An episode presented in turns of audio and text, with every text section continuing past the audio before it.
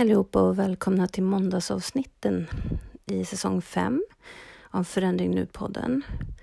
I måndagsavsnitten tar jag upp berättelser från kvinnor som levt eller lever med våld från sin partner. Jag kan också ta upp fakta kring våld i nära relation.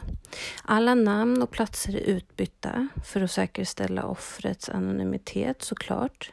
Och vill ni dela er berättelse så finns poddens Instagramsida eller så kan ni mejla till podd understreck forandringnu nu outlook.com. Men nu tycker jag vi drar igång med veckans avsnitt.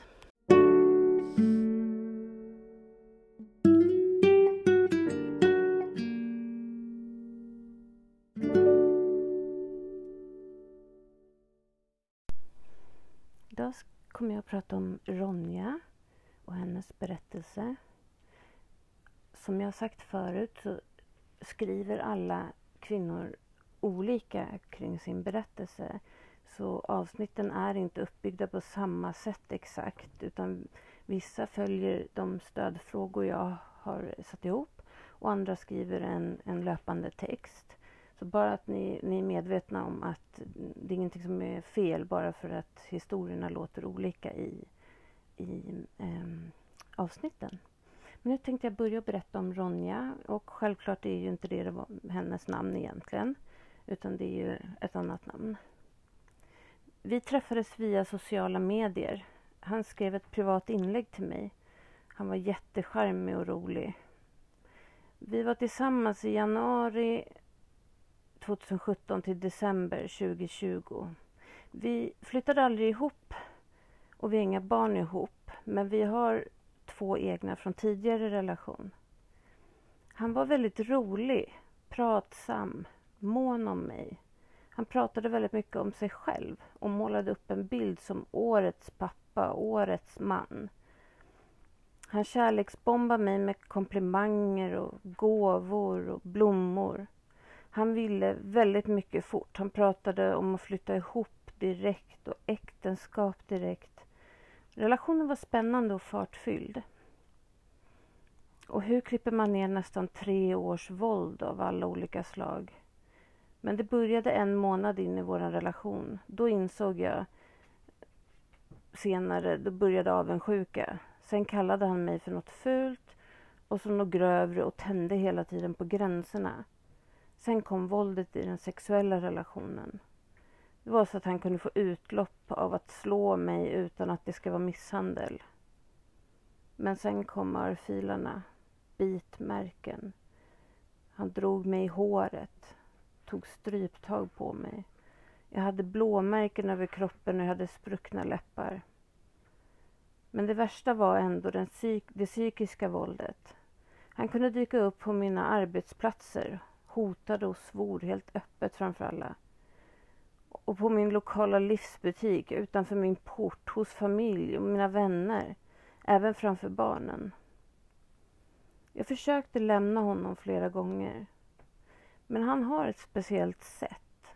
Han gick inte på mig utan där jag kände skam hos mina föräldrar, vänner, barn, arbete.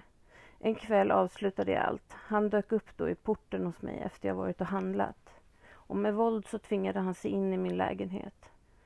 Där pågick en misshandel från sju till fem och den kvällen ströp han mig tills jag tuppade av. Han trodde att han dödat mig och var på väg ut ur lägenheten när han hörde mig vakna upp. Då fortsatte misshandeln och en våldtäkt som han inte kunde avsluta utan mer för att kränka mig. Det var inte förrän 05 som han gick till jobbet och jag kunde låsa om mig och det var över. han var väldigt kontrollerande och det började som gulligt men det blev snabbt intensivt. Han hörde av sig till alla män på sociala medier som var mina vänner och svor och hotade dem.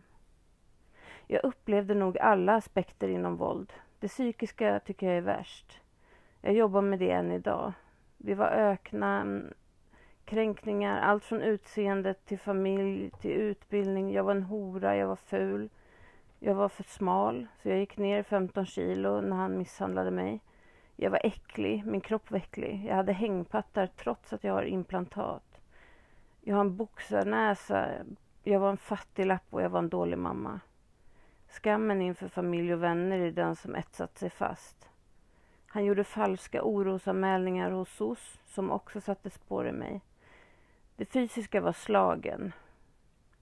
Ekonomiskt våld. Han gick på tre arbetsplatser och ingen kunde erbjuda mig skydd och jag blev avskedad. Han visste att jag var ensamstående. Han visste att jag kämpade ensam. Men han gick ändå på min ekonomi. När jag förlorade jobben hamnade jag hos Kronofogden. Det sexuella var våldet i sexakten, men det var smygfilmning och bilder också som han tog. Och sen hotade han att sprida dem. Han öppnade flera konton på Instagram och la upp bilderna på mig. Jag insåg att så länge som jag kämpar emot kommer jag bara föda honom. Så, han så jag försvann helt. Jag slutade svara. Det kunde ringa 300 gånger från honom på en timme och jag svarade inte. Jag polisanmälde, men jag backade i skuld och rädsla och det ångrar jag än idag. Men jag fick till slut ett kontrakt och besök, kontakt och besökförbud som gick ut detta år i juni. Det medförde att det varit lugnt och jag sluppit hans trakasserier och förföljelse. Men jag hör än idag av gemensamma att han fortfarande snokar efter mig och frågar efter mig. Idag är jag tillbaka i mitt vanliga liv. Jag genomgår en skuldsanering då jag föll så långt tillbaka i räkningarna efter att ha förlorat jobbet att jag inte längre hann ikapp. Jag har inte riktigt bearbetat vad som skett, men jag tror att jag mår bra. Jag har kortat ner den här berättelsen. Jag kan detaljerna, det är så många och grova och sjuka. Jag har diskbråck på två ställen i ryggen efter misshandel och panikattacker ibland och min sömn är helt borta. Min, mitt försäkringsbolag vägrade betala skadeersättning för något av det som hade hänt. Bara för att jag backade från polisanmälan. Denna man har utsatt varenda tjej för samma sak och han går än, ännu lös. Heja dig för ditt arbete med podden.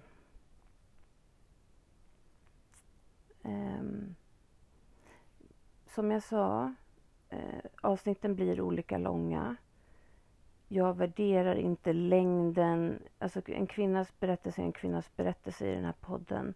Och alla... Eh, jag tar emot alla. Och det här var Ronjas berättelse. Som ni hörde så var det väldigt allvarligt våld. Så jag hoppas att skicka lite kärlek till henne i tankarna och och eh, så hörs vi i nästa avsnitt på torsdag.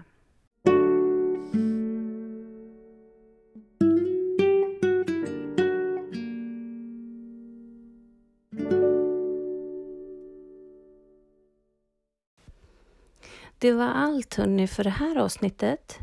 Ni som vill dela er berättelse kring våld i nära relation, ni kan vara både offer före eller anhörig.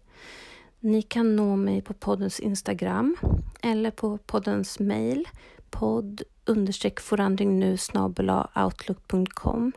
Ta hand om er och varandra så hörs vi i nästa avsnitt. Hej så länge!